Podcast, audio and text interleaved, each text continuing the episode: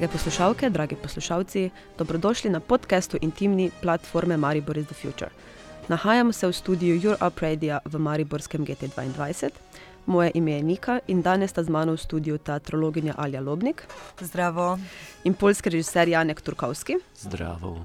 Ki se je včeraj mariborski publiki predstavil s performancem Margaret v sklopu letošnjega dogajanja. Pogovarjali se bomo o nastanku predstave, o prizoritvenih postopkih in temah, ki jih predstava razpira. Pogovor bo potekal v angleščini in ga lahko poslušate na SoundCloudu Maribor is the Future. Alja? Ja, mogoče za začetek, da začnemo z kratko biografijo Janeka Turkovskega. I'm very sorry, we will start in uh, uh, Slovenijo and then we will continue in English. Yeah. Uh, Janek Turkovski je gledališki ustvarjalec, avtor večjih solo in skupinskih gledaliških projektov in član programske skupine v Kanad Teatr Centru. Deset let je član umetniškega komiteja Kontrapunkt festivala. Poglobljeno pa raziskuje predvsem dva koncepta: koncept časa in koncept naracije oziroma pripovedništva. Uh, trenutno sodeluje bliže ali pa tesneje z Ivono Novacko. Uh, ja, Yes, it's correct, of okay, okay. Um, mogoče za začetek, da predstavim kontekst včerajšnje predstave, ki smo jo gledali v Narodnem domu v sklopu dogajanja, ki uh, poteka v okviru uh, bunkerjeve platforme in uh, nekako uh, lokalizira svojo sceno s tem, da se spleta z drugimi platformami v Mariboru, naprimer z drugo gimnazijo Maribor, z GT2, torej intimnim modrom, z nagibom na oder in tako naprej, kakorkoli. Um, torej, uh, kontekst včerajšnje predstave. Leta 2008 je Janek Turkovski odkril škatlo s 64 koluti 8 mm filma na marketu v severni Nemčiji, blizu polske meje. Vsak kolut je vseboval podobo ženske, Margarete. Janek Turkovski se je lotil določene rekonstrukcije življenja Margarete, torej neke ženske, ki je ni poznal. Gre za anonimno žensko, za neko življenje, če uporabim naprimer Delezov koncept nekega življenja, ki ga ne lo- določa nobena nad ali pa presežna lastnost, nobena nadakcija, nobena uh, historično pomembna dogodkovna vrednost. Filmi se nekako sprehajajo po pokrajinah, kamor je Margaret potovala, in pogosto so postavljajo figuro ljudi v spredje in potem podobe tudi eh, ne zgolj pokrajin, ampak tudi nekega specifično družbeno-političnega ustroja takratnega, torej komunističnega bloka. Turkovski se začne z veliko vnemo torej potapljati v to dokumentarno gradivo, da bi v njem torej odkril nekaj, kar leži pod površjem. Iskal je drobne zgodbe, majhne namige, minorne dogodke, da bi nekako podoben, brez glasu, uh, brez zvočne linije, nekako omogočil določeno narativizacijo, določeno vzgodbenje. In tukaj je pravzaprav moja vstopna točka v prvo vprašanje. Torej, kaj je zgodovina kot takšna, kaj je spomin? Um, I will now start to ask um, the questions about mostly about memory and about history. This is somehow integral part of subjectivation of person uh, having uh, present, future, and its own history, and also it's an integral part of nation or of uh, uh, collectives. So to have their own memory, which is very important for identity as such. Well, you were trying to find this very particular uh, history of one woman that you didn't know, Margareta. Did you feel like voyeur, or did you try to uh, really um, archive it, or try to to look it as a document of time, or what was your relation to this material? Uh, at first, of course, um, I would like to relate to this concept of time, like present, past, and future. This uh, linear way of uh, seeing and uh, perceiving this phenomenon of time is is quite uh, characteristic for our uh, Western European um, type of perceiving. But um, of course, there are different structures like circular or um, parallel. For example, in some Indian cultures, you, they believe that you can jump in time to the beginning. In mm. uh, every moment you are uh, you are on your uh, path. I mean, like the the time is going into uh, parallel lines, and at a certain moment when you decide to to start from the beginning, you just jump to the line which is parallel to this one, which we already uh, passed. But um, in this term of uh, of this performance, I think uh, as well this nation or type of identity we we glue to the uh, person to the unit it's as well quite uh, young. It's like 200 300 years when we start to see our bodies as a parts of the cultures which are co- connected with the language and kitchen and everything what is about this national identity but it's very young in uh, 3 million years of these humanoids walking on two feet on the earth and 300,000 years about this species of um, Homo sapiens sapiens we are, it's really nothing. So um, for me, it's more interesting if we go to the timelines and to those uh, linear way of thinking. It's more interesting to go at least 40,000 years ago, where this first uh, signs of the cultures uh, sculpture we have uh, which survive, like these flutes and paintings in the caves and such things where you can as well trace the beginnings of the stories because uh, as you know these paintings in the caves they are in the darkness normally you can't see them so you need to have a fire and if you got fire then you got of course the somebody who is making it somebody who is coming closer maybe with this torch close to the mm, close to the painting and is trying to explain you maybe what is written there because we can just guess what is the story what is the comics of the pre- prehistoric era. And uh, in this case, this is interesting. What do we share? What do we want to see from the others? I mean, it can be a part of the nature, animals chasing each other, or or what was the life of a woman from the DDR, and uh, what do we want to really say to the other if we take, we steal one hour of time from somebody who is coming to the theater or listening to the podcast. Podcast.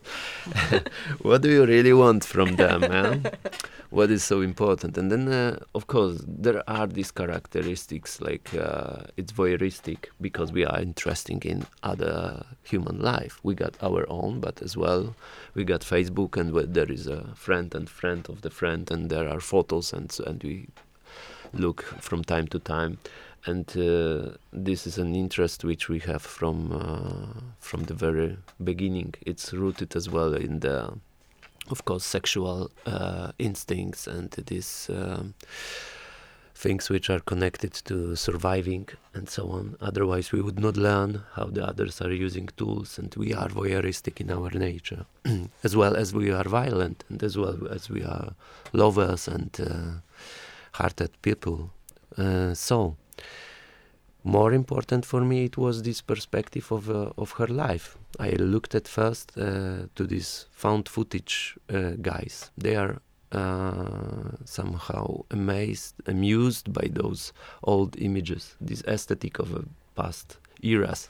And for me, it was as well captivating how the people are walking, doing, you know, how do they behave in these 60s and 70s, what kind of glasses they are wearing.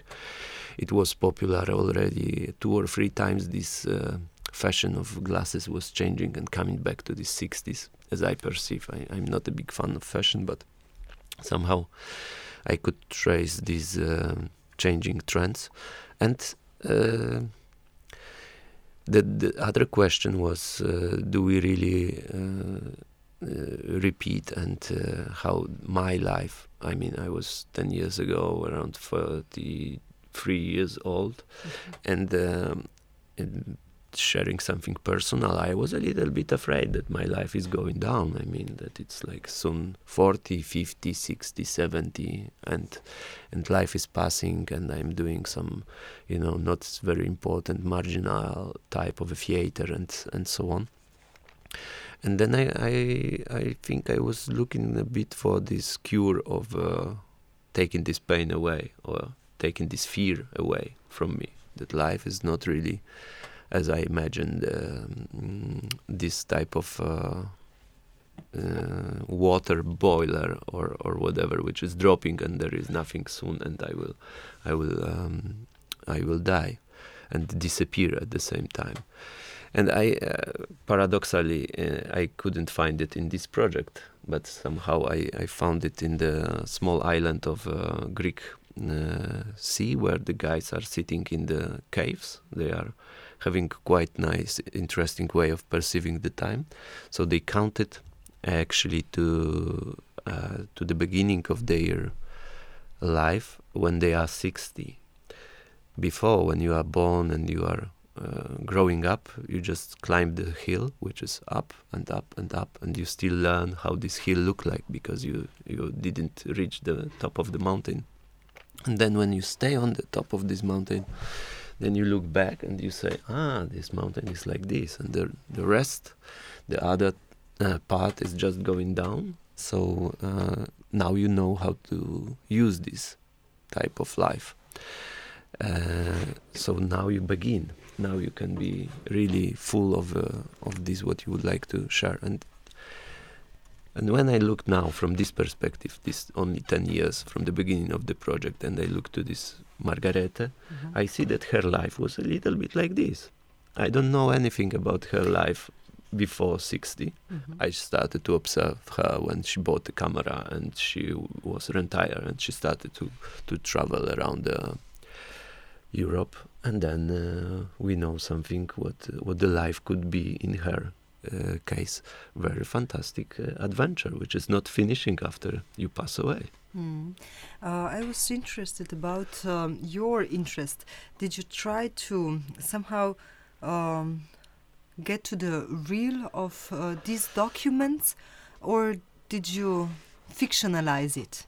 Did you layer it with your imagination and your fictions mm-hmm. and your storytellings, mm-hmm. which are also somehow narrativization, storytelling as a uh, trans- transposition of something through time, also, ne?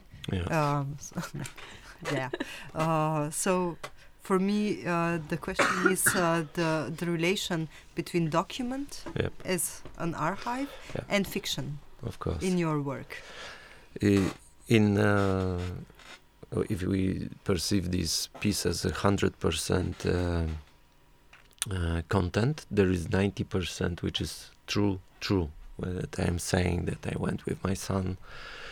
I got a son. He's living there and there, and so on and uh, and then I had to turn a little things more uh, in a fictional way because uh, I it for the structure of dramaturgy that it's one hour and people not falling asleep even if they are falling asleep sometimes then I, I know that it's okay and then they will wake up in the in the end and so on but uh, of course you you think about the costume I mean if we are in, uh, in a theater, fiction is allowed.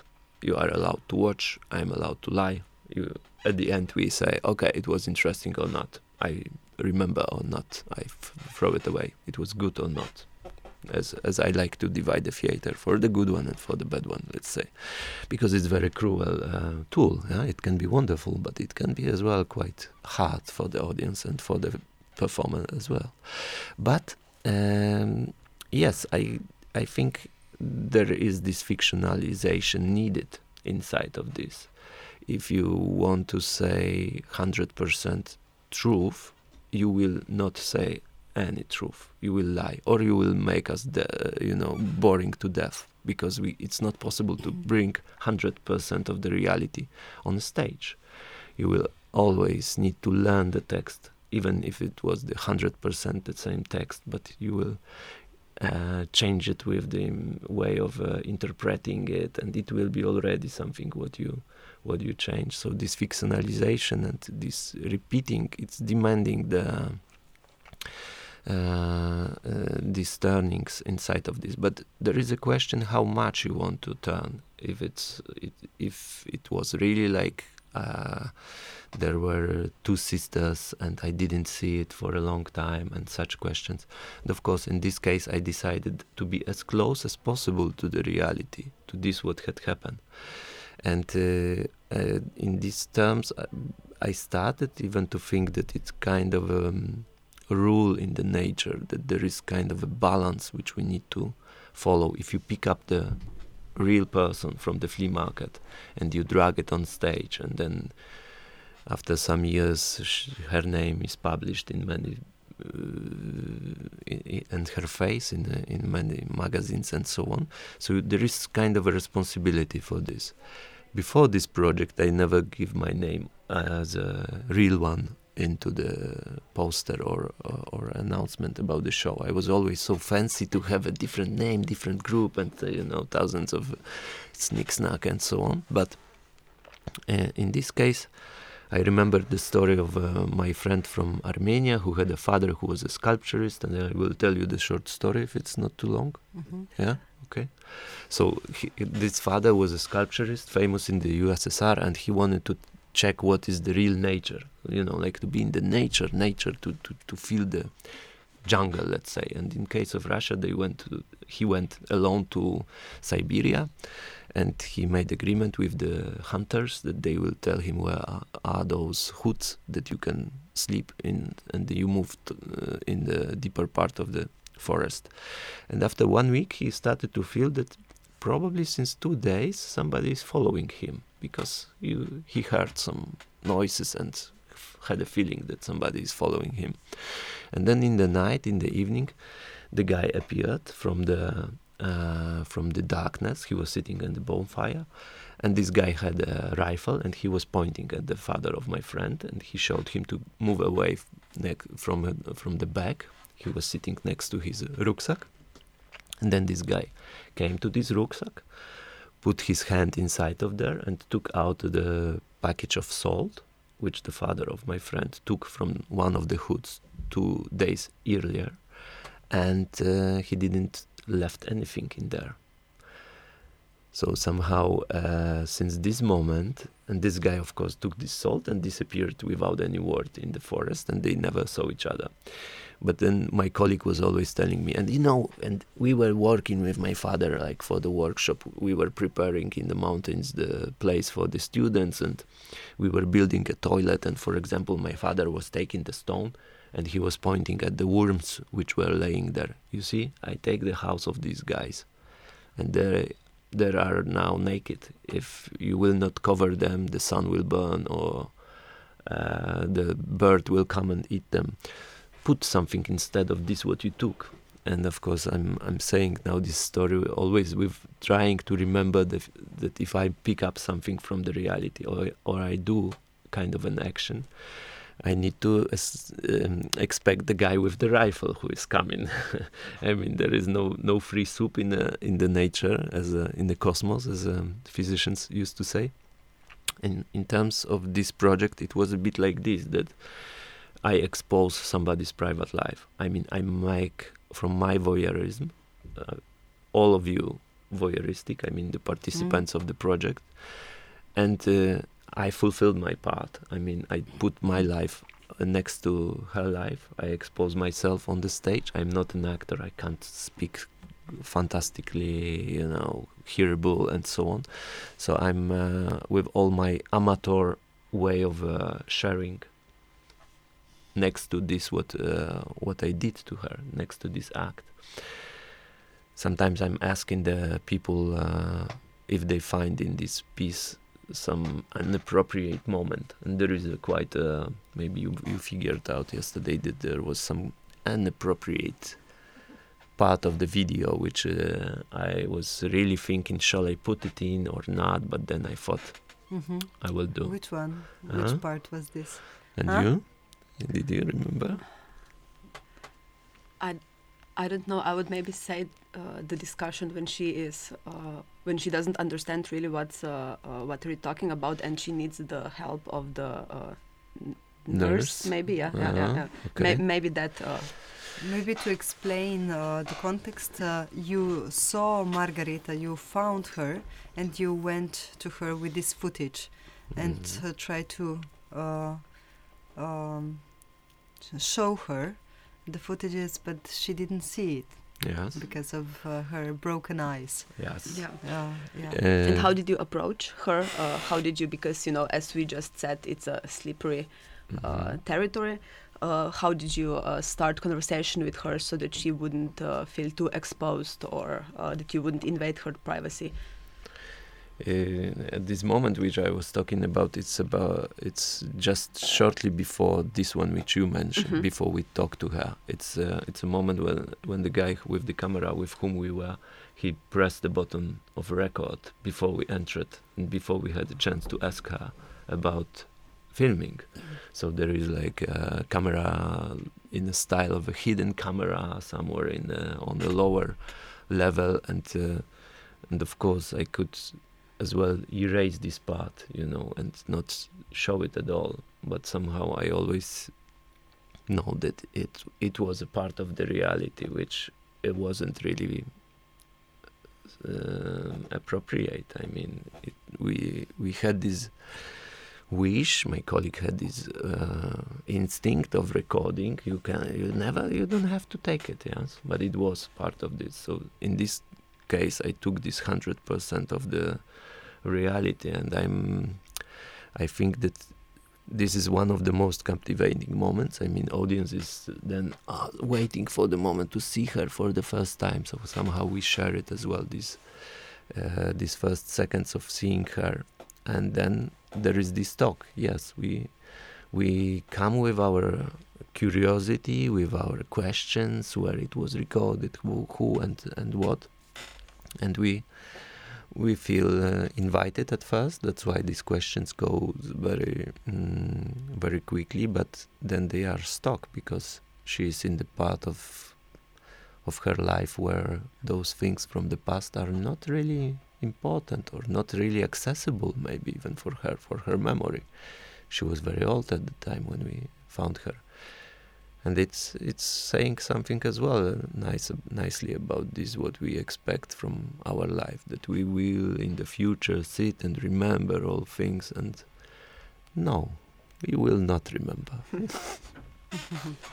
Uh, maybe just for from my part, a question about um, the line between public and uh, intimate. Mhm. Um, somehow this footage is uh, avant la lettre um, uh, of our society today, uh, with self-documenting every step, every every action in our lives, uh, putting it on internet, on Mm. Facebook, and so on. Uh, and the the uh, yeah. Uh, the border between intimate and public is getting blurred somehow Mhm. and this is the uh, very very strange but very similar process of these footages from 60s and 70s making something very intimate um, documented and somehow through your pr- Mhm. theater project public yeah and it's a very uh, contemporary issue also Mm. for our society today what to do with our intimate lives what to publish what not to publish Mm. how to deal with our archives Mhm. um, and so forth. I think we are very special in this that we are almost the same. I mean, we differ in thousands of things, color of our skin and religions and place of living and, and so on, but actually we are not so much different and if you would like to spend a whole day in front of the computer and seeing the life of somebody else, you can do it easily. There was this fantastic exhibition of Dries Verhoeven once some years ago. He printed he hired uh, thousands of students to print everything what they ca- are able to print what is uh, uploaded at, uh, during 24 hours. And the exhibition looks like a mountains of photos you get inside of the rooms and you can swim inside of them. And i think it's positive. I mean it depends only on you what you want to share. If you share your uh, defecation moment in the morning and you you got some friends who wants to watch it and you don't uh, force somebody with it share it because it's just uh, information about the other human what do we got inside of this and without understanding what is this species these seven billions of guys we will never start to think about globalism in a positive way. I mean, this word was stolen in uh, already in uh, probably 17th century when the first Dutch company was establishing this mega corporation of uh, Dutch East India Company. And these big firms like McDonald and others, petroleum, they are ra- running the world and they are sucking all these sources and they call it, we call it globalism but hey come on facebook is now 20 years or it will be soon and then we are getting connected to each other and then we can start theater or bunker all over the world and we will tell them like hey pay attention to those poor guys in africa or in china or whatever and start to uh, think about this planet as one because the network is bringing us closer and we can't limit our uh, uh, our nature. I mean, there are things which are forbidden, and there we got the rules and rights to limit it, of course. But I think Facebook is not inherently political platform for me. Mm-hmm. It has uh,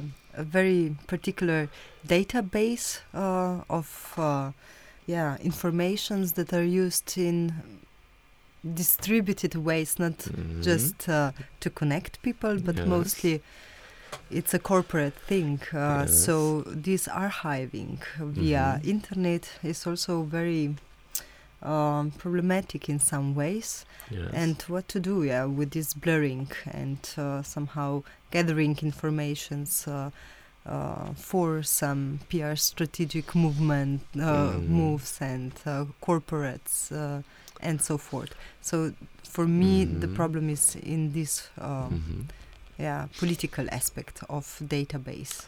I will not solve the problem of Facebook selling data and uh, winning the um, uh, votations in an, any countries, but I look more into this optimistic part of this corporation.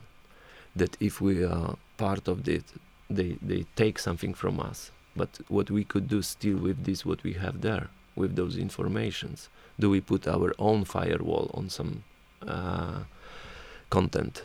Do we want to see what is really happening in other parts of the world? Or we are just clicking this automatically, or oh, it's disturbing. I don't like this content, and we we we choose just more cultural or more entertaining uh, type of uh, news we have. Who is more uh, choosing in it?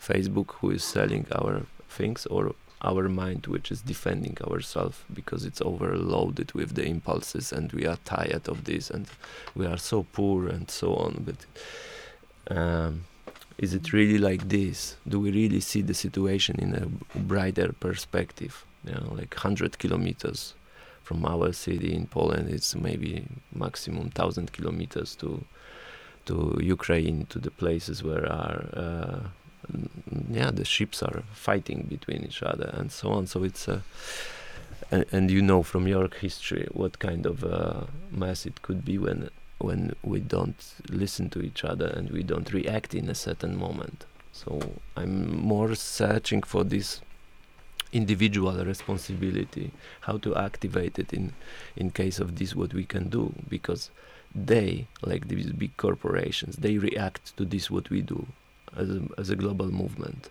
we can stop monsanto with these Avaaz uh, uh, actions and going into the court. There are fantastic uh, examples of this that uh, our vote has meaning and yeah, maybe it's a bit naive, yeah, but I don't take it from me. I would like to stay like that. Okay.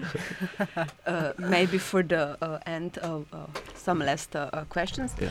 Um, are you still uh, interested in that uh, these topics of exploring one's individual history or history versus um, memory? is this something that you would you're planning or will work on in the future, or do you have some um, projects uh, regarding the same team planned? No, rather uh, I try always to find this what is interest for me, what has a certain moment in time and place where my interest comes together with this what I have in front of me and then find a good way to bring it on stage. Aha, so you, uh, your uh, methodology is very um, spontaneous. You know, when Mm. you see something that's interesting, you, you're not uh, planning uh, very much in ahead if Mhm. Uh, rather, I would like to be in the current moment and uh, and time. For Mhm. example, like since two years, I'm uh, exploring a phenomenon of walking. Mhm. So it's like only about being in the movement, how to walk, what is what does it mean to walk? Do does somebody learn us to walk, or it was your mama or father who took you and say, okay, let's go, try, try, try, and then you you walk since this moment on. And uh, yeah, so this is a more about physical way of uh, moving and what is connected with this in terms of philosophy and um, and the health and ecology and so on. Mhm. Okay, some ordinariness is uh, uh, that uh, you are interested in. Uh, a small, very usual things that we are doing. It's uh, very connect. For me, it's Mhm. connected to pedestrian Mhm. movement from modern dance somehow. Uh-huh. Walking and doing Yeah. stuff that you are doing every day, Yes. everyday stuff. Everyday stuff. Yes, because Trying it's- to yeah manipulate somehow. Mhm. Or taking these small pieces which we are using every day and then to look uh, from the different perspective to the same thing. Because it's very easy just to repeat the things of course like the reality is limiting us a little bit yeah? We are behaving in a very um, predictable way. We go to the shop we say hello how much? 5 euro okay goodbye haha and so on. And it's like maybe 1% of this what we could uh, use in terms of our communication or expression and being and so on. And and walking everybody walks. Or some people miss walking. They they can't walk. And then uh, for the uh, for the most of the people of course it's very banal thing. But uh, if you, you look again from the perspective of time maybe your way of walking is causing some problems in your lower back which you are suffering. When you are 60 and 70 you can't really move properly because then you got the pain. In the morning you don't walk. You are sleeping already with the curved uh, spine. In terms of my uh, my body i got too much curved spine from uh, i don't remember from when and it came from this therapical th- therapeutal way of seeing the um, the body that okay you, you walk in the wrong way. Actually i was 41 and i started to think that i'm i'm using wrongly my body and it will cause the next problems and next problems. So let's do something with it. And then i looked to the younger people. I thought they are more flexible and so on. But no they are 15 17 25 years old. And the, the same problems with uh, coming from this way of sitting and using the bodies like we are doing normally in the computer so some muscles are more contracted than they are, than they should be and then others should be relaxed uh, it's it's a global problem i think Well, we're uh, looking forward to following up on more of your work. thank you And thank you for the lovely discussion. Hvala, Alja. Hvala, Thank you. Janek. thanks a Thank you, Janek. Hvala. hvala, Hvala, Nika, za vabilo. hvala. Z veseljem in upam, da se vidimo še kdaj tukaj v studiu. Uh, vam pa hvala za poslušanje. Adijo.